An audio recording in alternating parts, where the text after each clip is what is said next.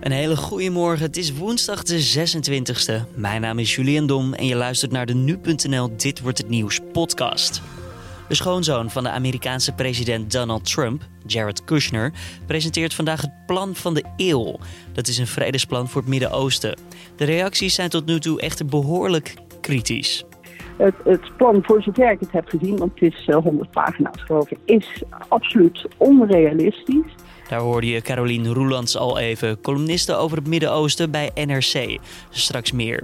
Eerst kort het belangrijkste nieuws van nu. Het moet makkelijker worden voor kandidaten om op eigen kracht in de Tweede Kamer te komen. Daarover schrijven het NRC en de Volkskrant.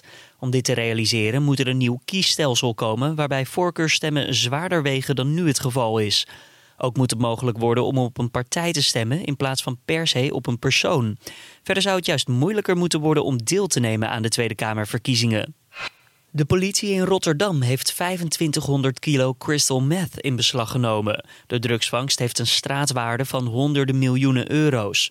Het is volgens de Telegraaf de meest spectaculaire vondst uit de vaderlandse geschiedenis. De drugs werd gevonden in een geheim compartiment in een Rotterdams pand. Het was rechercheurs opgevallen dat de binnenmaat van het bedrijfspand in de havenstad beduidend kleiner was dan de buitenmaat. Een Canadese vruchtbaarheidsdokter heeft zeker elf kinderen verwekt met zijn eigen sperma. Nog eens 50 tot 100 kinderen heeft hij verwekt met sperma van een andere dan door de cliënt gekozen donor. De licentie van de inmiddels 80-jarige gepensioneerde dokter is ingetrokken, meldt de BBC. Het onderzoek naar de dokter start in 2016 met aanklachten die teruggaan tot in de jaren 70. Sommige van zijn verwekte kinderen hebben op de zaak gereageerd door te zeggen dat ze zich besmet voelen. De Oranje Vrouwen zijn dinsdag in de achtste finale van het WK ontsnapt aan een uitschakeling. Japan was sterker, maar door een benutte penalty vlak voor tijd van Lieke Mertens werd alsnog met 2-1 gewonnen. Japan had de overhand in de tweede helft en raakte onder meer de onderkant van de lat, maar wist de acties niet te verzilveren. In de kwartfinale speelt Oranje zaterdag in Valenciennes tegen Italië, dat eerder op dinsdag met 2-0 te sterk was voor China. En dan het gesprek van deze dag, oftewel het plan van de eeuw. De Verenigde Staten komen namelijk met een groots plan voor vrede in het Midden-Oosten. Met investeringen van ruim 44 miljard euro moet dit worden gerealiseerd. Jared Kushner, de schoonzoon van Amerikaanse president Donald Trump, presenteert het plan. Meer details worden daarom vandaag bekend op een internationale conferentie in Bahrein. En daarover praten we met Caroline Roelands. Zij is NRC-columnist over het Midden-Oosten. Ja, mevrouw Roelands, uh, Kushner wil met miljarden aan kapitaalinjecties vrede realiseren. Wat voor plan is dit nu eigenlijk? Het, uh, we hoorden al een paar jaar geleden van dit plan voor het eerst. President Trump die deelde mee dat hij het uh, Israëlisch-Palestijnse conflict ging oplossen. En dat ging oplossen met het plan van de eeuw. Daar hebben we een paar jaar op moeten wachten. hij vertrouwde toe aan zijn schoonzoon Kushner en, en zijn mede-gezant voor het Midden-Oosten, Greenblatt. Uh, het werd uh, vrij snel duidelijk dat het plan vooralsnog een economisch plan zou zijn. Het idee was, als we maar die Palestijnen uh, welvarend zouden worden, als we die gewoon inderdaad met een miljarden injectie rijk zouden kunnen maken, dan zouden ze allemaal gelukkig blij worden. En dan zou je ook die politieke component, hè, want die komt ook nog wel, die zou je daarmee uh, makkelijker maken. Dus, uh, en, en wat er nu gebeurt uh, in, in Bahrein, ja, het is nog niet eens een conferentie, het is een werkgroep. Het is allemaal een beetje naar beneden geschaald. Wat er nu gebeurt is, het Witte Huis heeft een groot plan, economisch plan bekendgemaakt met allemaal mooie plaatjes erop. En nou, dat is de basis voor het gesprek. Maar die, ja, die basis voor het gesprek die heeft al voor behoorlijk wat kritiek gezorgd. Uh, er is inderdaad eh, behoorlijk wat kritiek. En uh, met name omdat heel veel mensen, en dat zou ik ook zeggen, zeggen van nou die economie, in, en dan heb ik het nu wel even over met name het bezet gebied, de Westbank en dan de Gazastrook die op afstand wordt bezet. Zo'n economie kan je helemaal geen injectie geven eigenlijk, zolang daar geen, de Palestijnen daar geen politieke rechten hebben, zolang dat gebied bezet is. We denken even, die uh, uh, westelijke Jordaan-oever, dat is bezet gebied. Daar zitten allemaal uh, nederzettingen, Israëlische nederzettingen. Die zijn allemaal, hebben allemaal grond om zich heen. Daar mogen Palestijnen helemaal niet komen. Die hebben wegen waar Palestijnen ook niet mogen, mogen komen. Er zijn overal checkpoints.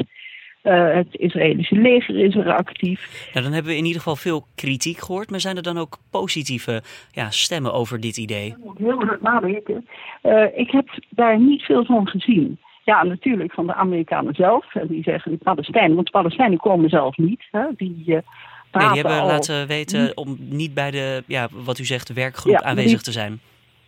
Ja, die praten al niet meer met de Amerikanen sinds Trump uh, Jeruzalem erkende als Israëlische hoofdstad. Toen hebben ze gezegd, nou praten we niet meer. Dit is een van de grote problematische onderdelen van de politieke regeling. Hè? Het, eh, de Palestijnen willen een eigen staat met een deel van Jeruzalem als hoofdstad. Nou, zij zeggen, jij Trump hebt Jeruzalem al weggegeven, dus waar hebben we het nu nog over? Die hebben niet meer willen praten. Dus die doen ook die doen niet mee. De Israëliërs mogen niet meedoen in, in Bahrein. En dat heeft weer te maken met het feit dat de Arabische landen niet al te duidelijk uh, de Palestijnen onder de bus willen gooien. Een positief element is dat er, en al pratend zeg ik, uh, ik, ik kan me eigenlijk helemaal niks daarbij voorstellen. Het, het, plan, voor zover ik het heb gezien, want het is uh, eh, 100 pagina's geloof ik, is absoluut onrealistisch. Um, dus de Amerikanen zijn er wel tevreden over. Ze hebben het kunnen en de Palestijnen zijn dom. Die moeten zien waar aan welke kant hun boterham beboterd is. Maar uh, ook in, uh, in, in, de Arabische wereld, uh, Libanon komt niet. Hè, hebben ook een hoop Palestijnen. Daar willen de Amerikanen, of tenminste, daar wil het plan dat ook geïnvesteerd wordt. Nou ja, dan zeggen de Libanon zegt, ja, jullie willen daar investeren. Bij ons investeren omdat je wil dat de Palestijnen die wij, die in Libanon wonen, Libanees burger worden. Nou, dat wil Libanon absoluut niet. Dus vandaar dat Libanon ook niet komt. Koeweit bijvoorbeeld komt ook niet. Die zeggen van nee, er moet een politieke oplossing komen. En je zou kunnen zeggen dat de Arabische landen die wel komen, die belangrijk zijn op dit punt, dat is Jordanië en Egypte. Jordanië, ongeveer de helft van de bewoonde bevolking, of meer dan de helft, Palestijns is. Egypte, buurland, uh, aan de andere kant, dat die komen op heel laag niveau. Die moeten komen omdat Saudi-Arabië uh, Sisi en, en, koning Abdullah onderhoudt, zou je kunnen zeggen. Twee landen met grote financiële problemen die veel Saoedische hulp krijgen. Dus zij moeten komen, maar zij hebben ook een hele lage delegatie. Er, komt, er komen hoge ambtenaren van ministeries van Financiën. Dat stelt dus echt heel weinig voor. Als ik dan nog even terug mag naar uh, het verleden. Want de ja, vrede in het Midden-Oosten is voor bijna elke Amerikaanse president een groot punt geweest. Bijna elke Amerikaanse president heeft het ook geprobeerd. Waar loopt het nou keer op keer op stuk als we één rode draad moeten pakken in de geschiedenis? Ik denk toch uiteindelijk omdat uh, de Palestijnen een staat willen en, de Israël, en Israël ze niet die staat wil geven. Dan komt het, Israël hanteert natuurlijk het argument van de veiligheid. Wij willen wel wat doen voor de Palestijnen, maar het mag niet onze veiligheid in gevaar brengen.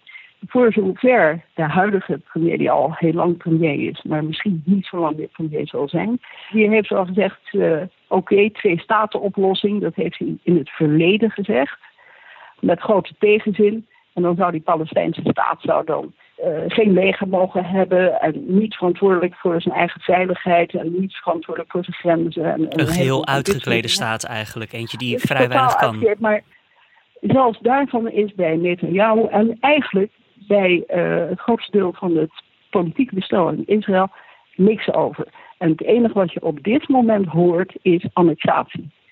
Um, de uh, Netanyahu ook in, in, bepaalde partijen in, in zijn huidige coalitie. Er komen nieuwe verkiezingen, dus we weten natuurlijk niet hoe dat zich gaat ontwikkelen. maar die willen allemaal annexatie van de westelijke Jordaanhoeven. De meest rechtse partijen willen annexatie van het hele gebied. Netanyahu en zijn medestanders die willen delen annexeren. Nou ja, de, onder andere die willen de nederzettingen annexeren. Uh, dan hou je een nou ja, een, een brokkelstaartje dus over voor de Palestijnen rondom die, die nederzettingen. En dan krijg je feitelijk een situatie die een voortzetting is van de situatie zoals die nu is. Uh, dus dat is een één-staat-oplossing waarbij de Palestijnen geen rechten hebben, of in ieder geval niet dezelfde rechten als de Israëliërs. Uh, en ze daarmee tevreden moeten zijn. Um, en de tegenstander van Israël noemt dit een apartheidstaat, wordt het dan. Maar als je kijkt naar het verleden en, en hoe ver we nu zijn gekomen, dan ben je inderdaad een heel eind in die richting gekomen. Caroline Roelands, hartstikke bedankt. NRC-columnist over het Midden-Oosten. Dan verder vandaag. Prinses Alexia, de middelste dochter van koning Willem-Alexander en koningin Maxima, viert haar 14e verjaardag. De prinses zit in de laatste weken van haar tweede schooljaar op het christelijk gymnasium Zorgvliet in Den Haag. En doet het daar uitstekend, aldus koningin Maxima. De spanningen tussen Iran en de Verenigde Staten kunnen vandaag verder oplopen als Iran bekendmaakt dat het meer dan 300 kilo licht verrijkt uranium heeft. In het internationale akkoord van 2015 was opgenomen dat het land niet meer dan 300 kilo kon verrijken. Maar sinds Iran getroffen werd door Amerikaanse sancties is de productie verviervoudigd. Iran riep Europa op om de sancties te neutraliseren. En een commissie onder leiding van Job Cohen brengt woensdag een advies uit aan de Nederlandse spoorwegen over schadevergoedingen voor mensen die tijdens de Tweede Wereldoorlog met treinen naar concentratiekampen zijn afgevoerd. Zowel overlevenden als directe nabestaanden van slachtoffers komen in aanmerking. Dan is weer voor deze hele mooie woensdag. Het is vandaag ja, wel iets minder warm dan voorgaande dagen, maar met 20 graden aan zee tot 31 in het zuidoosten van het land is het nog altijd goed te doen. Een matige wind zorgt af en toe voor een verkoelend briesje. En mocht je nog een leuk etentje willen plannen, nou dan is het Zwolse drie sterren restaurant De Libreien misschien wat. Het is namelijk weer te vinden in de top 50 van de wereld.